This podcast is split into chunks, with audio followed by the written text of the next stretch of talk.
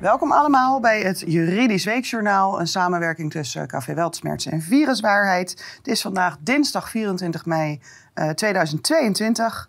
En zoals jullie kunnen zien heb ik nog even snel een booster, turbo booster vitamine D gehaald. Voordat we met de volgende ronde waanzin gaan beginnen. Uh, en dat is dan ook gelijk het onderwerp van vandaag, de monkeypox, ofwel de apenpokken. En uh, nou ja, Hanno heeft een aantal interessante documenten gevonden en bestudeerd. En wij hebben daar een, een presentatie vandaag over. Dus welkom Hanno. Dankjewel. Nou, zoals je weet, het opduiken van de apenpokken is vandaag waar het om gaat.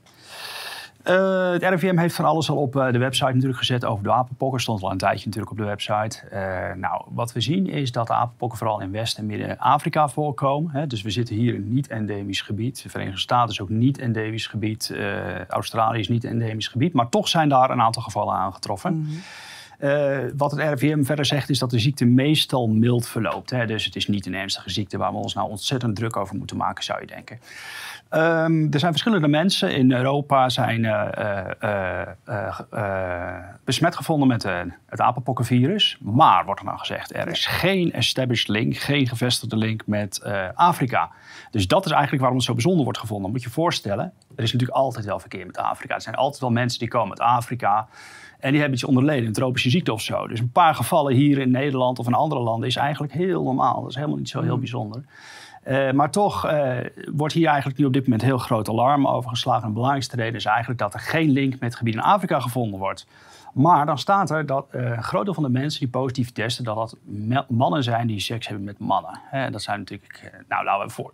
Er zijn veel mannen natuurlijk die in die scene natuurlijk heel veel mannen doen. Mm -hmm. dus dan hebben die misschien zelf geen, geen, uh, geen link met een bepaalde travelhistorie, met een bepaalde reishistorie.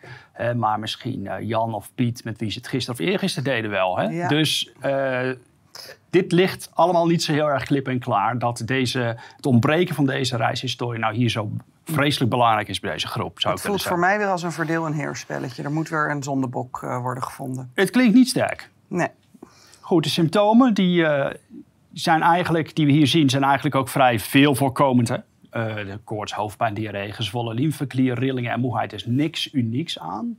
Uh, natuurlijk kan er ook huiduitslag bij gepaard gaan. En het verloop van die huiduitslag, dat is natuurlijk wel wat meer uniek. Maar we hebben nog tal van andere ziektes die ook een soort gelijke huiduitslag of iets wat erop lijkt produceren.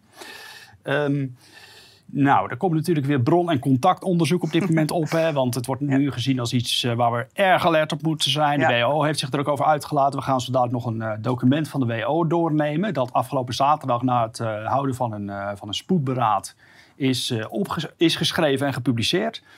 En goed, nu is het zo dat iemand die positief test op de apenpokken, die moet in isolatie.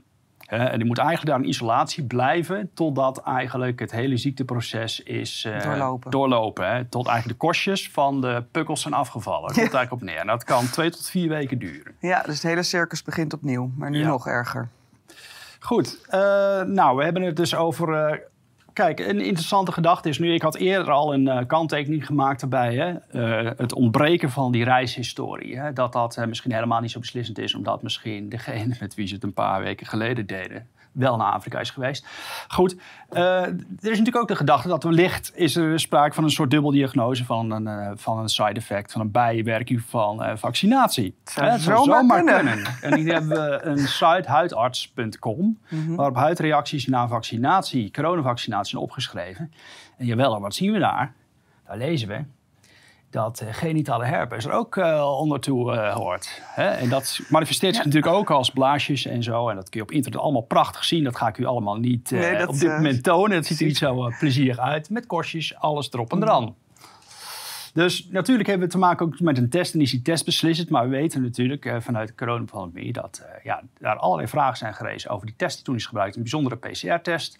De PCR-test, dat is natuurlijk een test die afhankelijk is van een aantal parameters. Die moeten helemaal op orde zijn en anders werkt die test niet goed. En heel belangrijk is natuurlijk die CT-waarde. Dat ja. is het aantal amplificaties. Hè, want er wordt een heel klein deeltje gevonden. Dat kan op dat moment nog niet worden afgelezen. Het kan pas worden afgelezen, uitgelezen eigenlijk, wanneer het is verdubbeld. Hè. Precies. En er zijn verdubbelingsrondes. En uh, nou, als je te hoog zit daarmee, dan krijg je sowieso een uh, scheve uitkomst, scheef getrokken uitkomst. Dan Heel krijg je eigenlijk veel te veel vals positief. Nou, het voorbeeld ervan is bijvoorbeeld de zwangerschapstest. Als wij een PCR-test voor een zwangerschap die bestaat, als we de CT-waarde ophogen, dan gaat een aanzienlijk deel van de mannen ook positief testen met dezelfde test. Zo werkt het dus. En voor de coronatest, ja, vroeger dachten we dat corona voorkwam in het coronaseizoen van het griepseizoen, dat is ongeveer in het voorjaar. Hè? En nu denken we dat het hele jaar door ineens corona testen. Hè? Dat is Ja. ook een teken aan de wand. Goed, dat zou ook heel goed het geval kunnen zijn met eh, de PCR-test op apenpok. Ik zeg niet dat het het geval is, maar het is zeker iets waar we op moeten letten. De Ja. test zou gemanipuleerd kunnen zijn. En wat krijgen we dan? Dan krijgen we dat allerlei eh, verschijnselen die er een beetje op lijken, door die test allemaal worden geïncludeerd. Precies. Dus dat krijgen we dan. Wat we eigenlijk ook gezien hebben met corona. Ja.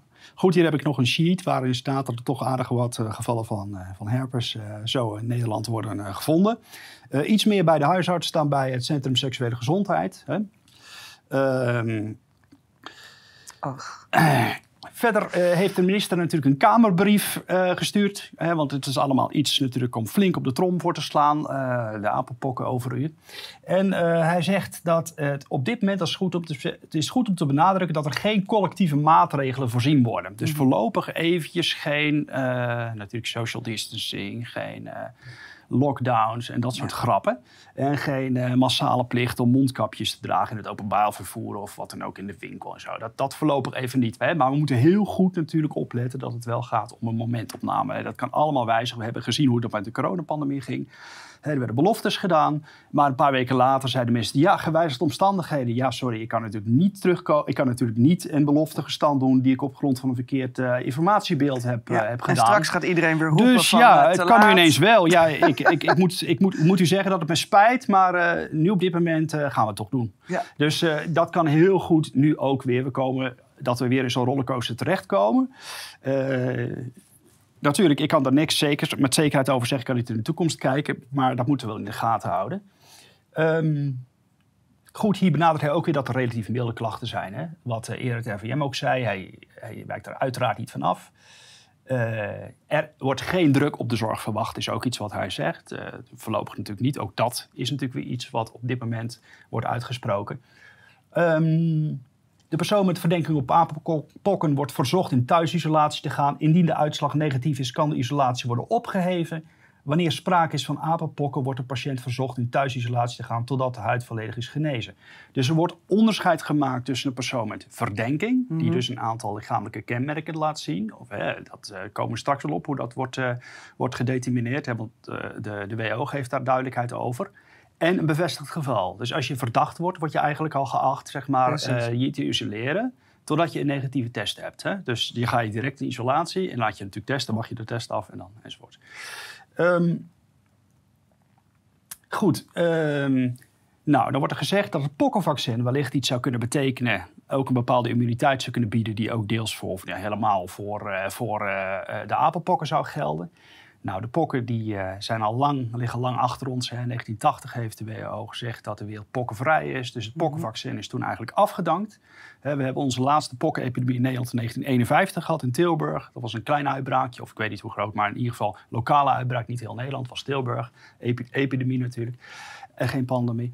En, ehm, dus dat hele verhaal ligt eigenlijk een beetje achter ons, zou je denken. Waren het niet dat er in 2001 een, eh, een, eh, een wijziging in dat narratief is gekomen. 2001 was Operation Dark Winter en toen is er geoefend op een pokkenuitbraak. Veroorzaakt eh, door een, een lek uit een, uit een hoe noem je dat, een biowarfare lab. Hè, dus eh, wat er dus eigenlijk nu wordt gezegd, jongens, we moeten toch weer eh, wat van die pokkenvaccins aanhouden. En Het, kan zomaar zijn dat een terrorist dus een blote bol haalt om eh, wat van die pokken, van dat pokkenvirus te, te verspreiden, gewoon om een beetje lekker ellendig te doen. En ja, dan moeten wij natuurlijk wel bij de tijd zijn. Hè. Dan hebben we natuurlijk wel op de plank wat van die pokkenvaccins staan. Eh, dat is de gedachte. En daarom kunnen die pokkenvaccins weer opnieuw eh, natuurlijk in, in productie worden genomen en opnieuw eh, in reserve worden aangehouden Ja. door eh, diverse nationale instituten is van ook gezondheid. eh, in Amerika was al, eh, dacht ik in sept- afgelopen september al weer 133 miljoen dollar aan eh apenpokkenvaccins besteld, toch? Eh, pokkenvaccins. Ja. Pol, smallpox heet Smallpox, dat. Ja, smallpox betekent pokken. Ja. En die werken dan zogenaamd ook tegen apenpokken. Heel toevallig. Ja.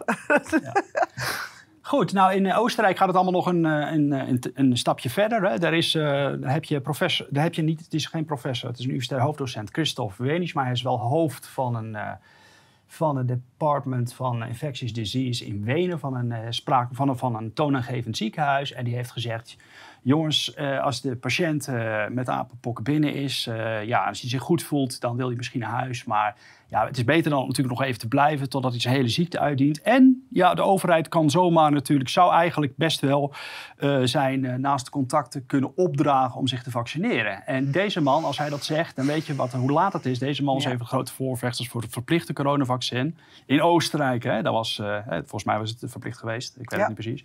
Maar in ieder geval, het was een enorme kwestie daar.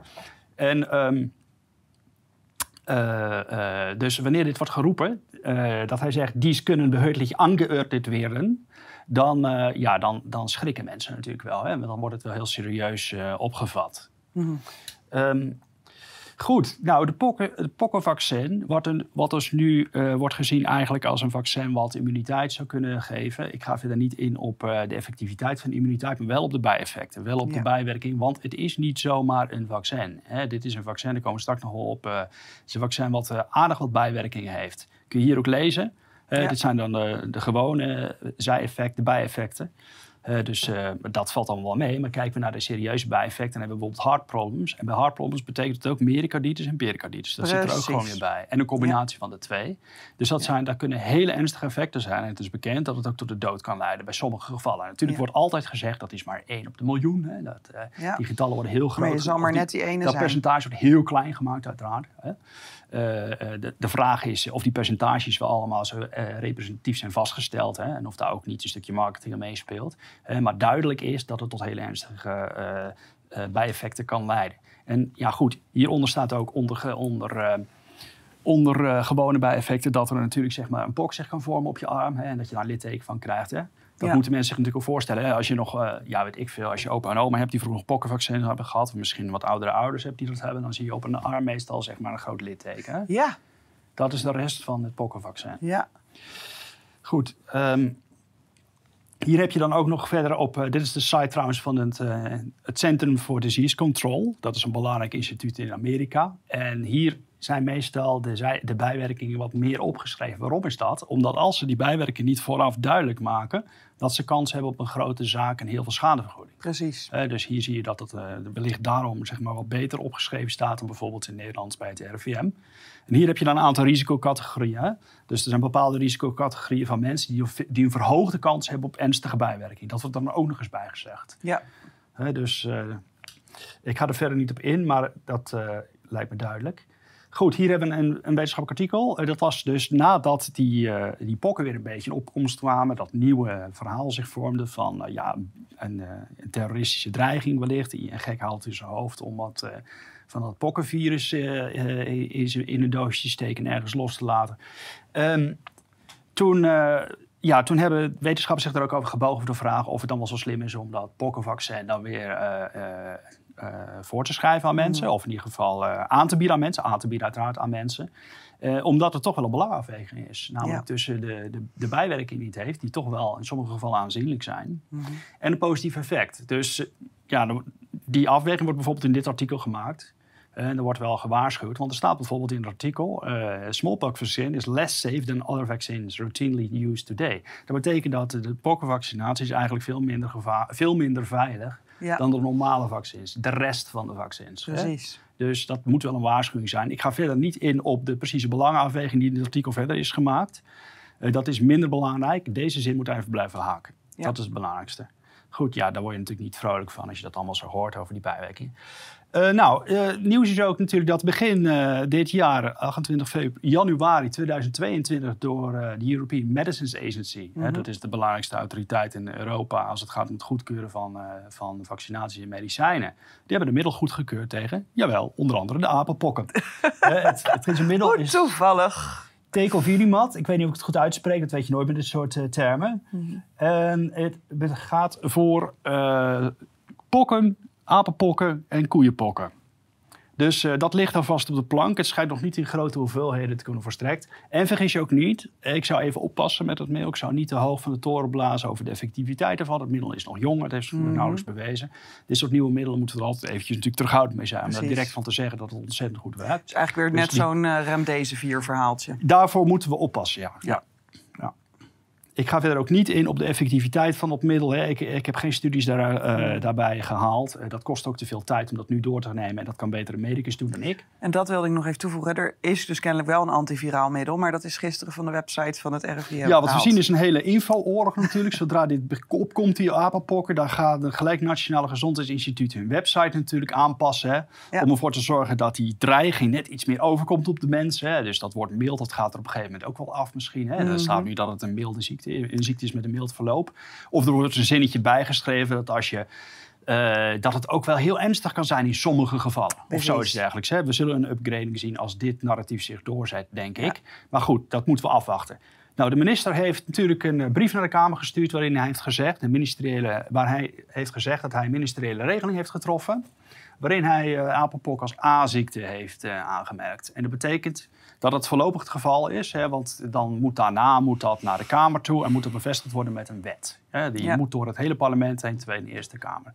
En dan is de, de wet publieke gezondheid aangepast en is uh, apenpokken toegevoegd aan de lijst met A-ziektes. Uh, dus maar het laat wel zien zeg maar, dat, er, uh, dat, het, dat er serieus werk wordt gemaakt mm. van de apenpok op dit moment. Hè. En A-ziekte betekent uh, ja, de, de, ernstigste categorie. En dat betekent dat allerlei bepalingen uit de wet publieke gezondheid geactiveerd gaan worden. Ja. En welke zijn dat precies? Nou, dan heb ik een aantal selectie van bepalingen gemaakt die direct van toepassing zijn voor mensen die wellicht uh, uh, ja, opgedragen krijgen om zich uh, in quarantaine te begeven en dat soort dingen. Kijk, er staat ook een gedeelte in de wet. het gaat om paragraaf 3 en 4 van de wet. Publieke ja. gezondheid trouwens, dat is goed voor mensen om te onthouden. Paragraaf 3 en 4, dat is het belangrijkste. er, staat ook, er staan ook een aantal artikelen over, over gedwongen opname. Nou, denk je dat dat niet zo heel erg snel het geval zal zijn. Gedwongen opname. Hè. Voor de meeste mensen zal wellicht quarantaine het zijn waar ze mee in aanraking komen. Als ze er mee in aanraking komen überhaupt. Want we hebben nog alleen maar hele lage aantallen. Hè. Dus even de vraag hoe dat allemaal gaat doorzetten. Maar dit is alvast wat informatie, mocht dit groot worden. En komt er dichtbij. Uh, uh, ja, wat dan zo al rechten en plichten zijn. Nou, in artikel 35 gaat over gedwongen quarantaine. Ja. Nou, de voorzitter van de veiligheidsregio kan een persoon onverweld een onderwerp aan een maatregel van quarantaine en dan moet het gaan om een ziekte die behoort tot groep A. Nou, nu is al duidelijk dat het tot groep A behoort. Hè? Dus het, mm. eh, dit artikel is al van toepassing. Nou, dan zijn er een aantal voorwaarden die, uh, die uh, gehoorzaamd moeten worden. Nou, die persoon moet recentelijk contact met een leider of een vermoedelijke leider aan deze ziekte hebben gehad. Uh, verder moet uh, ja, deze infectieziekte een ernstig gevaar voor de volksgezondheid uh, betreffen. Is niet echt het geval, geval, zou je nu kunnen zeggen. Hè? Maar je moet goed beseffen dat dit natuurlijk heel snel door een marketingverhaal ja, kan worden overgenomen. Er wordt weer hier gaat marketing, Hier gaat waarschijnlijk marketing op worden gevoerd. Hè? Ja. Dus, maar tot nu toe faalt dat hij erop zou toch moeten zeggen. Maar goed, als het al op de A-lijst staat, dan is deze vraag, vrees ik, ja. voor de meeste rechters al beantwoord. Dan is het dus al ernstig. Ja. En die persoon natuurlijk niet vrijwillig overgaat. Want eerst wordt natuurlijk verzocht om dat te doen. Als jij dit niet vrijwillig doet, oké, dan komt dit artikel pas. Uh, het is weer een dringend advies. Ja, nou goed, uh, nou dit niet. Hè. Dit is geen dringend advies, dit is een verplichting. Dit wordt je gewoon opgelegd. Nee, maar eerst wordt er gezegd van we, we, hopen dat je het vrijwillig doet. Hè, dringend advies. Tuurlijk. En als je daar dan niet aan onderwerpt, dan, kan dit artikel dan komen ze wel even achter je aan. Precies. Nou goed, het kan in de, in de woning. De, de, de, voorzitter van de veiligheidsregio kan het je opdragen om het gewoon in je eigen woning te isoleren. Hè. Dat is mogelijk. Uh, tijdens de quarantaine wordt medisch toezicht verricht. Uh, dat gebeurt natuurlijk door de gemeentelijke gezondheidsdienst. Uh, belangrijk is lid 4 ook. want de quarantaine vinden plaats onder zodanige voor omstandigheden gedurende zodanige periode als noodzakelijk is om het gevaar, als bedoeld, af te wenden. En zodra redelijkerwijs kan worden aangenomen dat dit gevaar is geweken of op minder ingrijpende wijze kan worden afgewend, wordt de maatregel opgeheven dus dit is wel belangrijk. En dit zijn ook redenen om mocht gaandeweg de isolatie blijken, bijvoorbeeld dat jij die ziekte helemaal niet hebt, dat het ziekteproces zich helemaal niet bij jou openbaart op die manier, dan kun je een verzoek indienen bij de rechter om die isolatie om onmiddellijk op te heffen, de quarantaine op te heffen. Ja, daar komen we zo bij uit. gaan we snel door. Nou, uh, de voorzitter van de veiligheidsregio of de burgemeester kunnen ook uh, je dwingen om een medisch onderzoek te ondergaan. Wanneer ze voldoende aanleiding hebben om te denken dat jij dat moet ondergaan. Hè? Dus de voorwaarden zijn dan uh, dat er onmiddellijk gevaar dreigt voor de gezondheid van derden. Nou, als het als A-ziekte is aangemerkt, dan ja, dat gaat toch vrij makkelijk dan, denk ik, dat de rechter dat aanneemt. Hè? Daar kun je heus wel verweer tegen voeren, maar de rechters die gaan niet zo in op de wetenschappelijke kant van de zaak natuurlijk. Precies. Um, belangrijk is dat de aard en omvang van dit gevaar niet op andere wijze dan door onderzoek kan worden vastgesteld. Hè, dat is een belangrijk, belangrijk eh, punt. En de uitkomst moet noodzakelijk zijn om dit gevaar effectief te kunnen afwenden. En natuurlijk, dit artikel wordt alleen maar uit de kast getrokken wanneer de betrokken niet bereid is om eh, uit zichzelf het onderzoek te ondergaan. Ja. Hè? Maar eh, ja, die twee laatste voorwaarden zijn belangrijk. Dat het niet op een andere wijze kan en dat het noodzakelijk moet zijn. Dit Precies. onderzoek om het gevaar effectief af te wenden. Ja. Eh, goed, lid 5 komt er eigenlijk. die, lid 5 zegt eigenlijk nog niet zo heel veel nieuws. Hè? Dus het onderzoek bedoeld is omvat Nou, niet veel meer een- nodig ter afwending van het gevaar. Maar dat ziet dan op het onderzoek zelf, de omvang van het onderzo- onderzoek zelf. Precies, Ja. en ik zie er ook wel iets van subsidiariteit in. Ja, zeker. Het is En, proportioneel, eh, en proportionaliteit en subsidiariteit. En dus noemen Ja. wij dat als juristen. Dus het moet in verhouding staan. Als dat een lichter middel is, Precies. om eh, wat effectief eh, is, dan moet dat lichtere middel verkozen worden boven een zwaarder, meer ingrijpend middel. Ja. Dat zit hier allebei in besloten. Ja. Maar ook dit eh, zal bij de rechter een probleem worden, want die reageert ook Ja. nooit op onze argumenten over de proportionaliteit en de Nee, subsidiariteit. ja, dat is waar. Maar goed, eh, kijk, als het niet op er andere wijze kan worden eh, gedaan, daar kun je wellicht nog wel eh verweer op bieden. Wanneer het duidelijk is dat, ja, het, is helemaal afhankelijk van de situatie, maar dit hoeft niet per se een wetenschappelijke twist te worden. Hè, dit. Mhm. dit kan ook zeg maar in andere, anders ingestoken worden. Dus hier zou je wellicht nog wat mee kunnen. Eh, goed, dit gaat dan over hoe de burgemeester of de, eh, de voorzitter van de veiligheidsregio sorry, hoe de voorzitter van de veiligheidsregio dat communiceert. Hè. Dat wordt dan een beschikking genoemd. Mhm. hè, want het is natuurlijk een besluit wat ziet op een bepaald persoon. Ja. Hè, dus geïndividualiseerd enzovoort. Dat noemen ze een beschikking. Dat is een technisch-juridische term daarvoor. Gewoon een besluit Ja. voor een met betrekking tot een bepaald persoon. Nou, en daar staat dan in hoe en waar de maatregel ten uitvoer wordt gelegd. Waarop bij het medisch toezicht wordt gelet. En aan welke regels de betrokkenen zich moet houden. Spreekt allemaal vrij voor zich. Hè.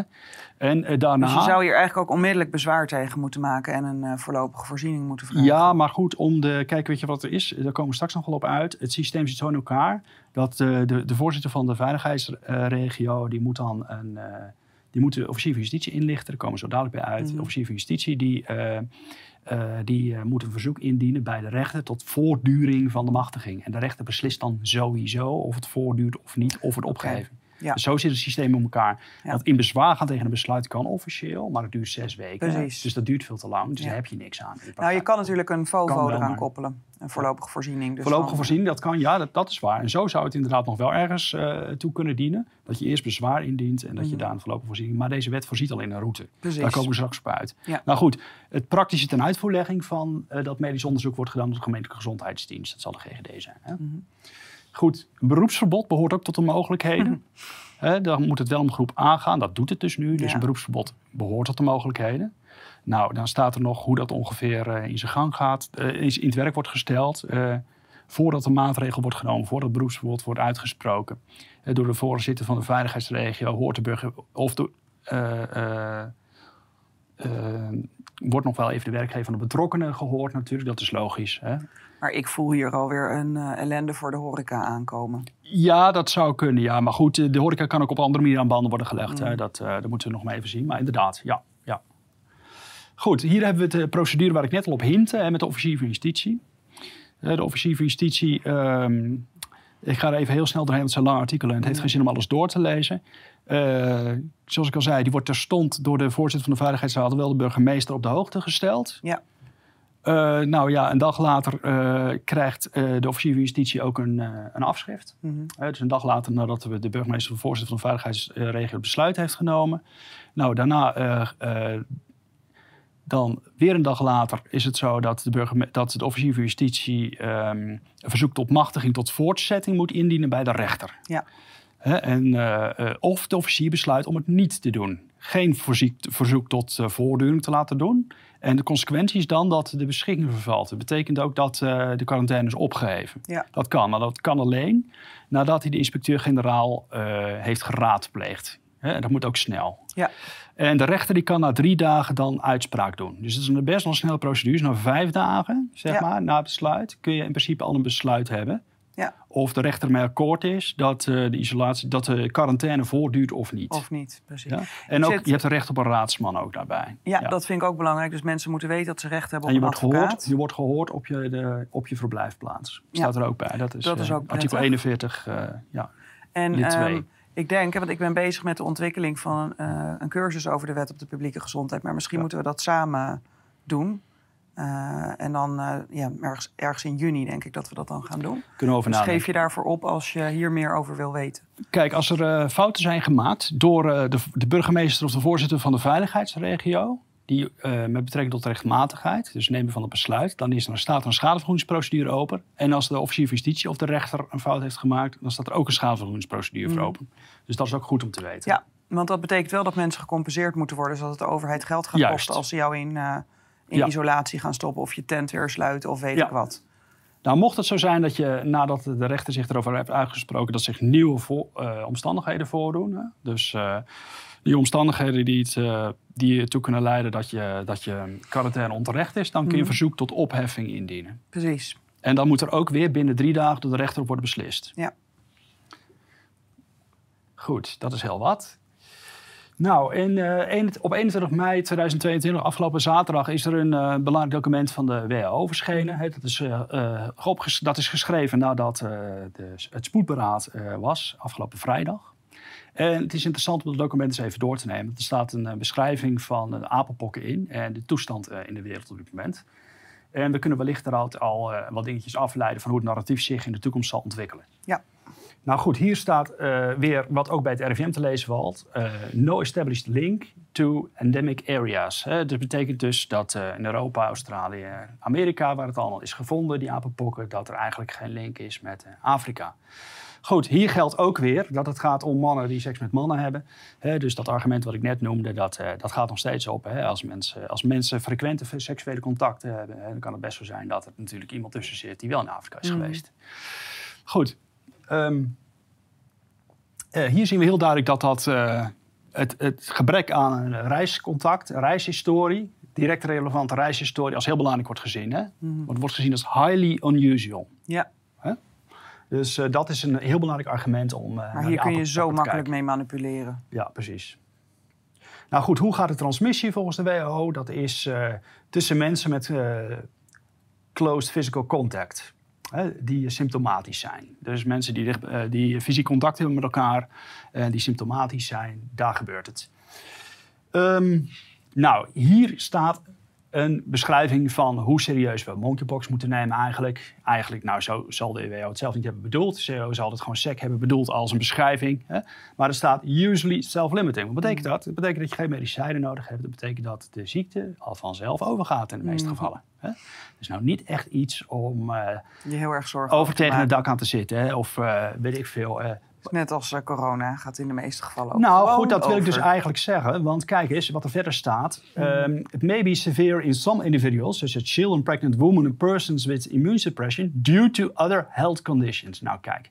Hier zien we een bepaald schema in terugkomen, wat we bij corona ook al zagen. Corona is eigenlijk ongevaarlijk voor gezonde mensen. Het is vooral gevaarlijk voor de risicocategorieën. Nou, en wie zijn dat geworden? Al die mensen met die prikjes, daar is het immuunsysteem van naar de knoppen gegaan. Ik denk dat dat ook wel mee kan spelen, inderdaad. Ja, bij, Bijwerking van prikken, waardoor eh, de risicocategorieën veel groter zijn Precies. geworden. Dus... Uh, dat betekent dat we in principe in een scenario terecht kan, kan, kunnen komen, wat eigenlijk ja, denk ik in theorie. Ik zeg niet dat het zo gebeurt, maar in theorie moeten we er rekening mee houden dat dit dus in principe op, hiervan, op grond hiervan groot kan worden. Waarom? Uh, omdat ja, uh, de mensen die op de IC komen, dat zijn voor het algemeen mensen met andere ziekten onder de leden. Mm dat zijn mensen met risicocategorie met andere ziektes onder de leden. Dus uh, die komen op de IC terecht en die, die geven dus op die manier druk op de zorg. En in principe is dat scenario is met elke ziekte eigenlijk wel is dat eigenlijk met elke ziekte wel te bereiken, denk mm. ik. Uh, en daarnaast hebben we natuurlijk ook coexistentie. Ja. dat, is, dat is vanwege de coexistentie van verschillende ziektes. En als we een, een, een, een PCR-test hebben die, heel, die, die ervoor zorgt dat er niet heel specifiek wordt getest, maar dat eigenlijk altijd wel een ruime groep mensen positief test, dan betekent dat dat hij heel veel ziekten includeert. Ja. En dan krijgen wij straks, net zoals bij corona, een ziekte met de duizend gezichten. Ja. Dus allerlei bestaande ziekten expressies, mhm. allerlei bestaande ziektes, worden plotsklaps van een nieuw label voorzien. Dat heet plotsklaps ineens corona. Ja, en het hele circus begint opnieuw. Dus dat betekent dat het, in- dat het, eh, dat het, het zou de potentie kunnen hebben. Hè? We weten dat niet. Het kan ook namelijk, zeg maar, tezamen met corona in het najaar, allebei eh, ineens als een bedreiging voor, eh, voor het gezondheidssysteem worden beschouwd. Hè? Dus eh, wat we lezen Nou, wat natuurlijk ik- in de Kamerbrief dat het op dit moment nog geen bedreiging is voor het gezondheidssysteem, wil niet zeggen dat het in het Straks. najaar zo blijft. Hè? Ja. Dus allemaal, dit gaat, allemaal momenten. Nou, en wat ik denk, hè, voor heel veel mensen is die corona-angst wel een beetje weggeëpt. Ja. En eh, als je dan die niet zo frisse plaatjes van deze apenpokken ziet, Ja. dan creëer je weer een enorme nieuwe angstgolf. Dus ik denk dat het Ja. oude narratief gewoon niet meer zo goed werkt. Het voordeel van die apenpok is natuurlijk dat het er verschrikkelijk uitziet. Hè? Al die plaatjes van die, eh, van die lijven die helemaal eh, overdekt zijn met korstjes en bobbels Ja. en blaasjes en pus. Oh, en die allemaal ook nog eens heel sip kijken. Ja, daar krijgen wij de rillingen natuurlijk van. Precies. Dus Ja, maar Nou, ook kijk- dat gaat weer over. kijk eens naar de aantallen hè, op dit moment. Hè? Ja. Nou maar ik zou zeggen, kijk ook eens naar de aantallen in Afrika. Hè, waar, het dan niet, waar het dan endemisch gebied wordt genoemd. Precies. Over wat voor aantallen spreken we dan? Cameroen, 25. Nou, Centraal-Afrika, Zes. 6. Nigeria 46. Nou goed, Congo, Democratic Republic of Congo. Congo, daar hebben we dan 1238, maar dat is ook niet veel. Nee. Dat is ook niet veel. Precies. hè? En dan spreken we dus over het gebied waar het echt uit de pan zou moeten reizen. Ja. Hè? En dan kijken we naar de aantallen. In Australië 1 tot 5, België 1 tot 5. Nou ja, Nederland 1 tot 5, inmiddels 6 of 7. Hè? Maar toch, Ja. dat is allemaal echt niet veel. Klein bier natuurlijk. Hè? Dus eh, goed kijken verder in het document van de WHO. Dan zien we dat de WHO een suspected case... eh, oh, hij, hij geeft hem niet helemaal goed helemaal weer. Maar de- dit is gewoon eh, de definitie van een verdacht geval. Hè? Dus er wordt Ja. onderdeel gemaakt, onderscheid gemaakt tussen een verdacht geval... een waarschijnlijk geval en een bevestigd geval. Ja. En een verdacht geval, dat is eh, iemand met een ja, unexplained acute rash. Dat is zeg maar een huiduitslag die je niet zo makkelijk kunt uitleggen. Mhm. Nou, en dan een van de volgende symptomen. Een hoofdpijn, koorts, Nou, eh, lymfeklieren opgezwollen. Ja. Hè? Een beetje spier- en, en lichaamspijn. hè, Een beetje je rugpijn. Of gewoon algemene malaise. Algemeen gevoel van Ja. malaise. Een beetje, ja, gewoon moe. Weet je wel? nou ja, als je dus een beetje moe bent en je bent een puber. Ja. Hè, bij wijze van spreken. Je zit onder de pukkels. ja. Dan oh je ja, nou dan, zit je al er al. verdacht- eh, Dan ja, ben je eigenlijk je al een verdacht geval volgens... eh, ja, ja, ja, ja. Kijk, hier is joh. En, dat is de derde. Dat moet er ook nog bij komen. Eh, dat deze rij aan ziektes allemaal geen verklaring vormen voor wat er zich, eh, voor, voor wat er zich manifesteert. Hè. Dit laat zien Mhm. dat er ontzettend veel oorzaken kunnen zijn voor dat beetje huiduitslag. Hè. Een hele rij. Zie je dat? Ja, heel veel. Een stuk of, eh, Ja. wat zijn het er? 15 of En zo. dat maakt dat de kans van relabeling dus Ja, heel, heel groot, groot is. is. Onterecht relabeling dus heel groot is. Hè? Ja. Ja, dus eh, zeker als de test niet goed werkt. Nou, daar gaan we weer. Want we hebben natuurlijk de test uiteindelijk. En de test gaat beslissen of het een bevestigd geval is of niet. Maar als die test niet goed werkt, dan heb je geen barrière daarmee tegen. Of nauwelijks. Goed, nou kijk, hier hebben we dus wat eh, huidaandoeningen hè, die in de buurt komen. Allemaal Ja. blaasjes, allemaal kostjes, allemaal jeuk, allemaal pus. Hè? dus ehm, hier hebben ongeveer 85% van de mensen, het valt er net uit hier Ja. naast, maar het staat hier wel op de slide goed. Ongeveer 85% van de mensen, de leeftijdscategorie van 12 tot 24 jaar, heeft in mindere of meerdere mate last van acne. Nou, dat zijn er best wel veel van de pubers. Hè? Dat zijn allemaal pubers. Ja.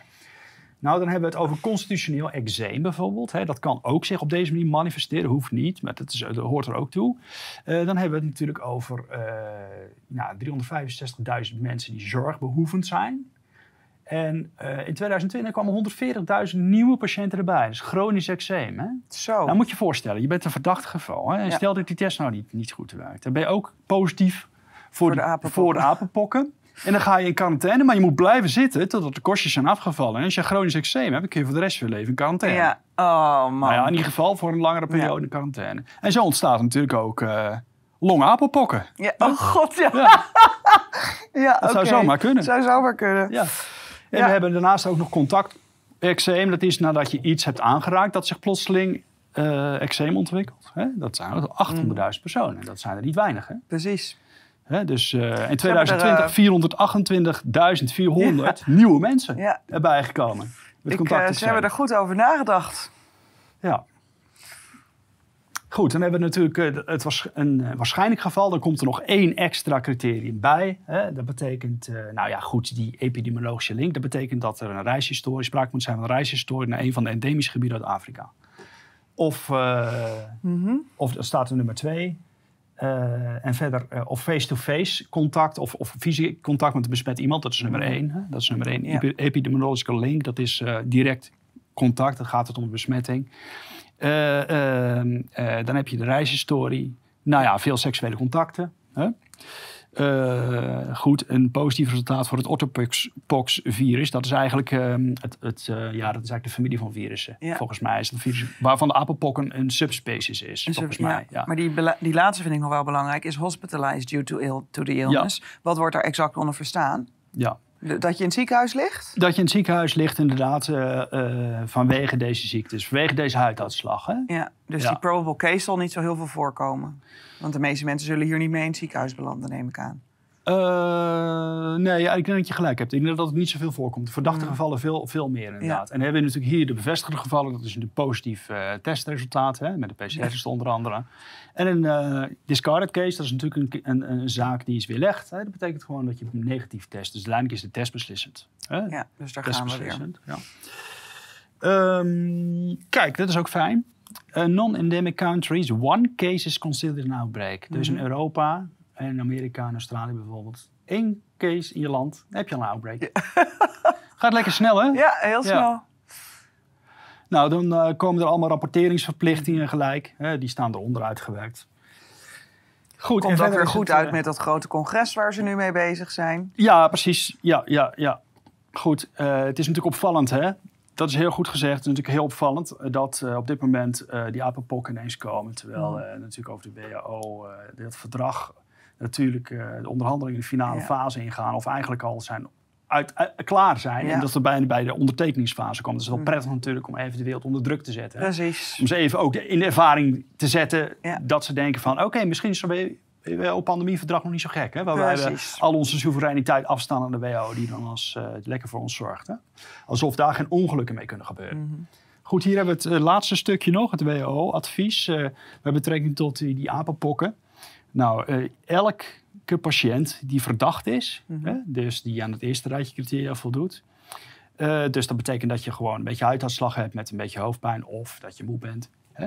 Dan ben je al verdachte. Uh, die zal moeten worden onderzocht. En als het wordt bevestigd, dus als er een positieve test uh, bij komt, dan moeten ze worden geïsoleerd. Mhm. Ja. En dan totdat zeg maar, de kostjes afvallen van de bultjes. Ja, daar word je droefheid, daar word je terug van. Ja. Um, nou, is er in het verleden uh, niet alleen een smallpox um, tabletop exercise geweest in 2001. Hè? Operation Dark Winter was dat. Maar er is recentelijk ook nog één geweest voor de apenpokken. En dat is in maart 2021 geweest. Goh. Toen is er geoefend. Een tabletop exercise geoefend met diverse figuren die belangrijke posities bekleden. Uh, uh, met betrekking tot een apenpokkenpandemie. en dat ging uit onder andere van de NTI. En dat is de uh, Nuclear Threat Initiative. Mhm. En dan denk je, wat heeft die daar in godsnaam nou mee te maken? Ja. En Nuclear Threat die gaat zich bezighouden met biowarfare. Ja. Nou wordt er gezegd uh, dat het Nuclear Threat Initiative is toch al gewend om van alles te monitoren met betrekking tot nucleaire dreiging. Dus die Dus die- biowarfare dreiging, die nemen we er gewoon even bij. We Ja. hebben al die expertise in huis, dus vandaar dat hij erbij zit. hè? Het lijkt toch een beetje op het vervolg op eh, Event 201. Ja, ja, ja, goed. Het is zo'n soort, Het is gewoon soort precies hetzelfde. is het eigenlijk. Ja. Hè? Nou, hier hebben we dan de beschrijving. En deze oefening is altijd interessant om even te bekijken. Want er hoort een paper bij. Hè, dus en, eh, en, en dan kijken we altijd eventjes van wat er allemaal aan gedachtenvorming in Mhm. staat. Hè. Dat is niet voor niks een oefening natuurlijk. Hè. Dan wordt iets uitgeprobeerd en wat ook later wordt ingezet. En hier wordt dan gezegd eh, dat men bang is voor a deadly global pandemic involving an unusual strain of monkeypox virus. That, the initial outbreak was caused by a terrorist attack using a pathogen wat engineerd was. Dus hier zeggen ze van ah, een vreselijk dodelijke pandemie hè, vanwege een unusual strain, on- een, eh, ja, eigenlijk een, ja, een, een, eh, een, eh, een apenpokkenvirus wat eigenlijk heel ongewoon is. En dat Ja. zien we ook bij, de, bij de WHO op dit moment. Er wordt nu gezegd er is helemaal geen, geen link met enige reishistorie. Dus dit apenpokkenvirus gedraagt zich eigenlijk heel, Heel vreemd.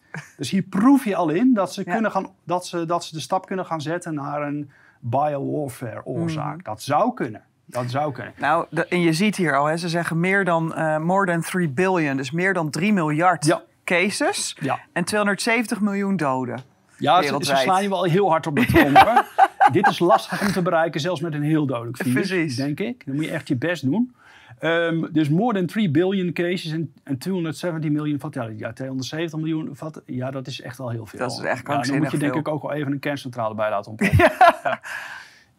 Dus, ehm, eh, maar goed, hè, eh, duidelijk is dat eh, waar hierop wordt ingezet. Kijk, bij dat biowarfare lab, Mhm. denk ik dat we in de gaten moeten houden. Kijk, daar zijn we natuurlijk allemaal heel erg bang voor, voor die dodelijke pathogenen.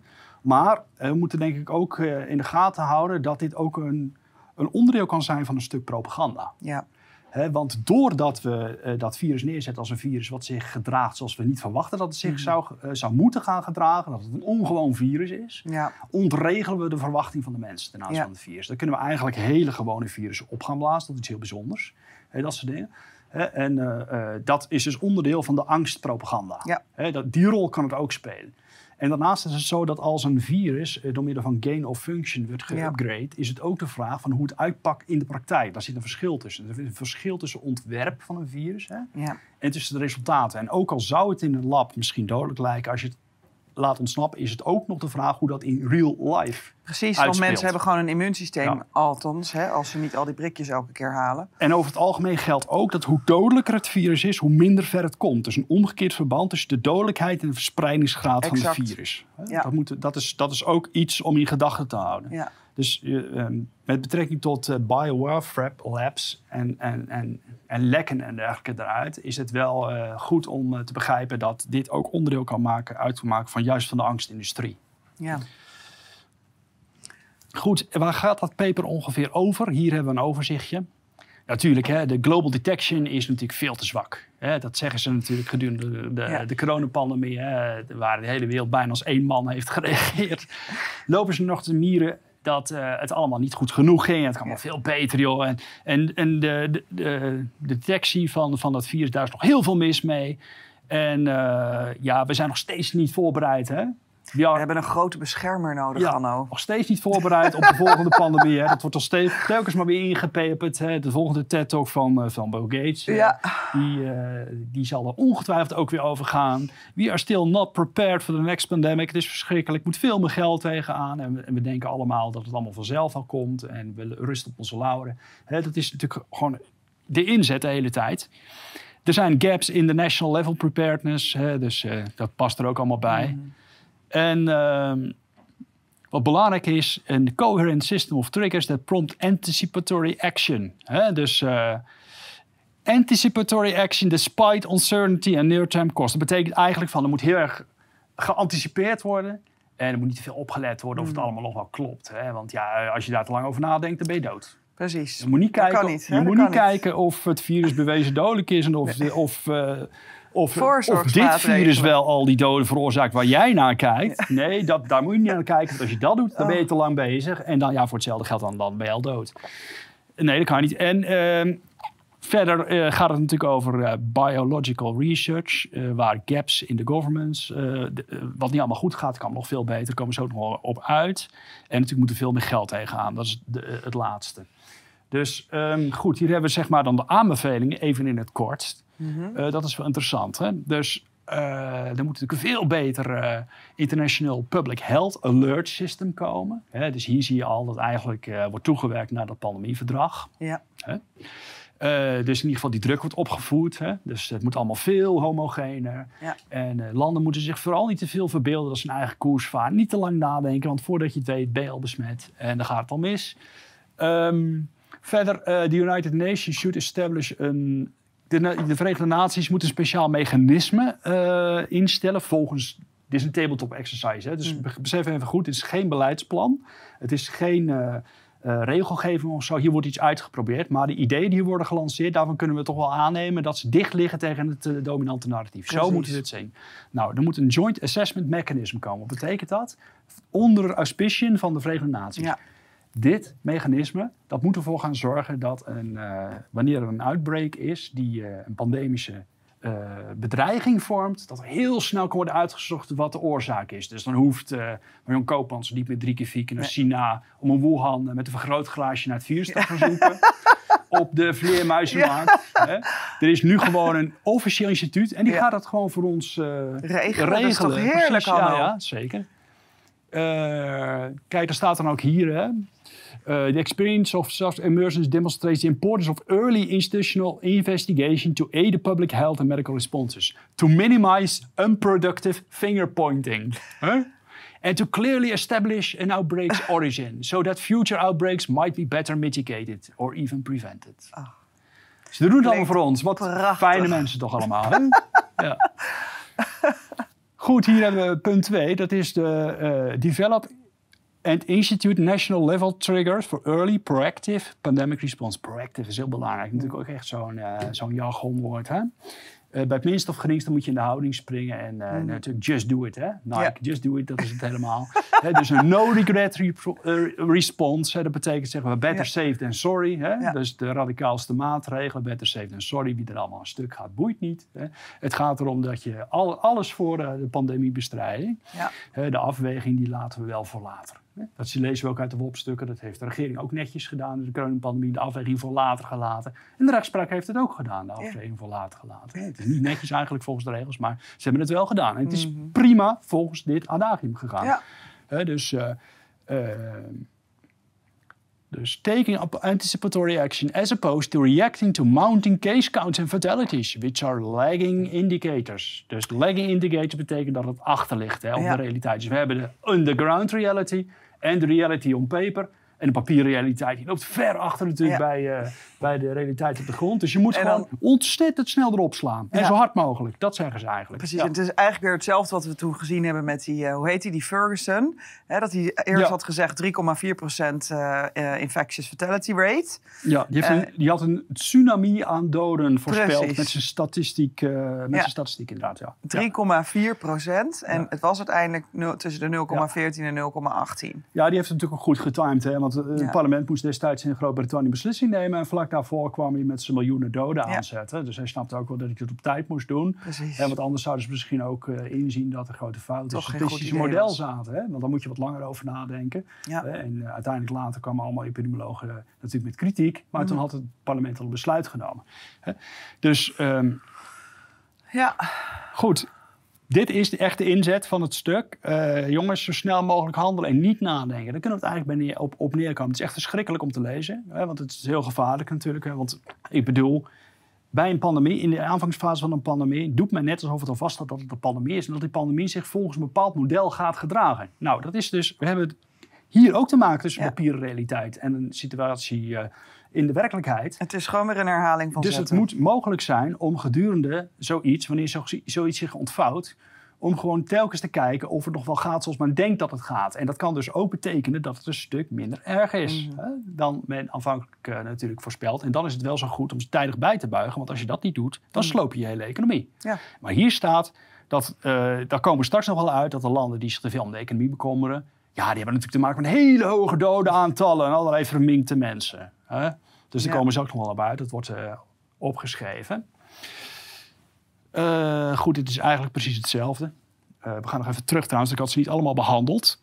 Eh, belangrijk is ook dat er een speciale enti- entiteit komt, een bestaand instituut komt, wat zich bezighoudt met biowarfare. Hm. En de gedachte is dan dat er heel veel geld naar biowarfare moet.